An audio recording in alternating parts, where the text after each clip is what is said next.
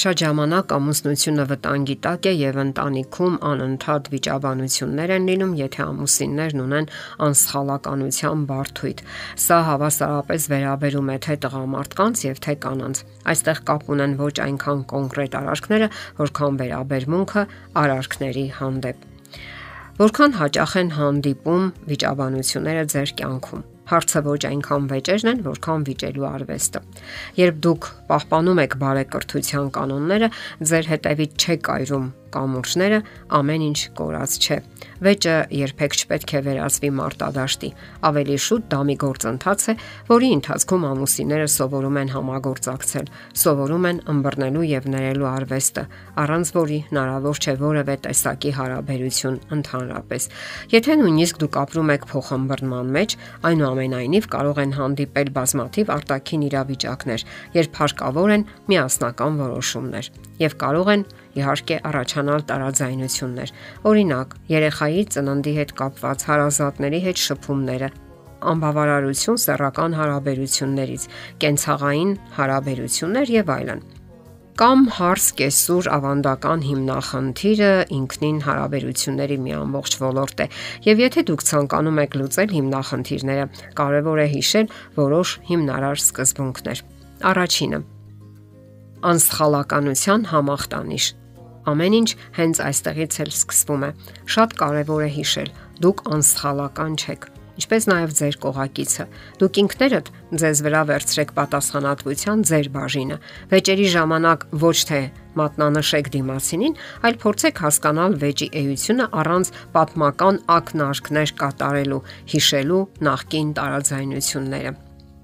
Հարկավոր է կոնկրետանալ դրականի վրա։ Մի կենտրոնացրեք ձեր ուշադրությունը տարաձայնությունների վրա։ Զրուցեք դրական տրամադրվածությամբ եւ միշտ մտածեք, թե ինչպես ավարտեք վեճը դրական տոնով, դրական նոտայով, հումորով եւ սիրով։ Դրանից հետո ծրագրեք ընտանեկան որևէ ընդհանուր հանգիստ կամ միջոցառում։ Ինչն է որ դրական հույզեր է առաջացնում ձեր հարաբերություններում։ Հիշեք, որ շատ տարաձայնություններ կարող են առաջանալ հանկարծակի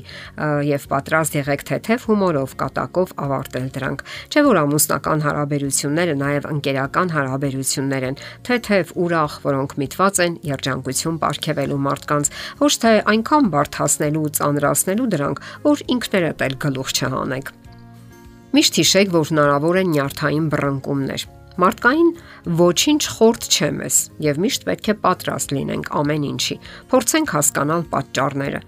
Նյարդային բռնկումների պատճառ կարող է լինել հոգնածությունը, անքնությունը, ներքին անհանգստությունը։ Պարտադիր չէ անմիջապես պատասխան հակահարված հասցնել։ Ընտանեկան հարաբերությունները մարտական հարաբերություններ չեն, որտեղ ինչ որ մեկը պետք է անպայման հաղթի։ Դուք ռազմաճակատում չեք եւ ձեր դիմաց ձեր թշնամին չէ, ոչ էլ կյանքի ու մահվան հարց եք լուծում ճշտեք եւ պատրաստ եղեք թե ներողություն խնդրելու ձեր բռնկումների համար եւ թե ընդունելու դիմացինի ներողությունը։ Իսկ բոլոր դեպքերում հարկավոր է հարթել այդ օրինակ իրավիճակները, որpիսի դրանք նստվածք չտան։ Հիշեք Աստվածաշնչյան հրաշալի խորհուրդը. Եթե բարկանաք, մի մեղանչեք, թող արեգակը մայր չմտնի ձեր բարկության վրա։ Սա նշանակում է, որ երեկոն հարկավոր է ավարտել խաղաղությամբ եւ չքնել առանց հաշտվելու։ Սխալ է, երբ հասուն մարդիկ պատրանքներ են ունենում, որ ամուսնական կյանքը համակ երջանիկ պահերից է կազմված եւ դիմացինն էլ երբեք չի սխալվելու։ Իրականությունը չի համապատասխանում մեր ցանկություններին ու երազանքներին։ Իմիջայլոց նաև դիմացինի երազանքներին, այնպես որ դուք բաց վտանգավոր օվկիանոսում միասին եք նավարկում ամուսնական նավը, ինչը հրաշալի է եւ անկրկնելի, որովհետեւ դուք միայնակ չեք հարկավոր է ընդունել կյանքի օրենքները։ Կլինեն դժվարություններ, որովհետև դուք երկնային հրեշտակներ չեք։ Հարկավոր է պարզապես համատեղ հաղթահարել դժվարությունները եւ մտածել, թե ինչպես պետք է գաք փոխհմբռնման, այլ ոչ թե հաղթողի դափնիներ վաստակեք։ Զրույցներն ու քննարկումները հրաշալի դպրոց են եւ կյանքին ձեր պատրաստվածությունը ստուգելու դաս, այլ տարբերակ կամ փոխադարձ փոխզիջումներն են գոյություն չունի։ Պայմանավորվեք հասկանալ եւ ընդունել սեփական սխալներն ու վրիպումները։ Եթե դա ընդունվի, ուրեմն դուք ճիշտ ուղու վրա եք։ Հարկավոր է ճանաչել դիմացինի հոգեբանությունը այս դեպքում ամուսնում։ Այստեղ դուք մտնում եք կարծես գիտական դաշտ։ Դա ոչ միայն անհրաժեշտ է, այլև հետաքրքիր։ Որpիսի ապրեք համաձայնության եւ խաղաղության մեջ, անհրաժեշտ են ուսումնասիրություններ։ Հարկավոր է կատարել այդ հետազոտությունները, գտնել դեպի ամուսնու սիրտը տանող ուղիները, հասկանալ միմյանց, ինչ որ առումով պետք է կարողանաք նաև հարմարվել։ Իսկ չեք նկատել, որ ձեզ էլ են հարմարվում Խոսքը իհարկե բացահայտ սխալների մասին չէ կամ էլ անթույլատրելի արարքների, որոնց մասին պետք է նախորոք պայմանավորվել կամ որոնք պետք է նախորոք parzեիք։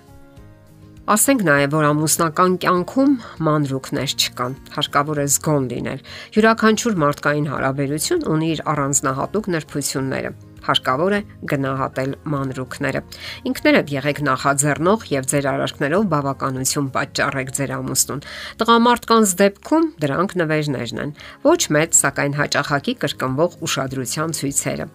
Եվ վերջապես պետք չէ հուսահատվել եւ կտրուկ ու անխոհեմ որոշումներ կամ քայլեր ձեռնարկել։ Միշտ էլ հնարավոր է ելք գտնել բարդ իրավիճակներում, եթե իհարկե ցանկանում եք պահպանել ձեր միությունը։ Դուք եք կերտում ձեր երջանկությունը, որն իհարկե այնքան էլ հեշտ չէ, եթե երկուստեք վճռականորեն չտրամադրվեք եւ ջանքեր չկործադրեք։ Հիշեք, որ կառավարման ղեկը ձեր ձեռքին է։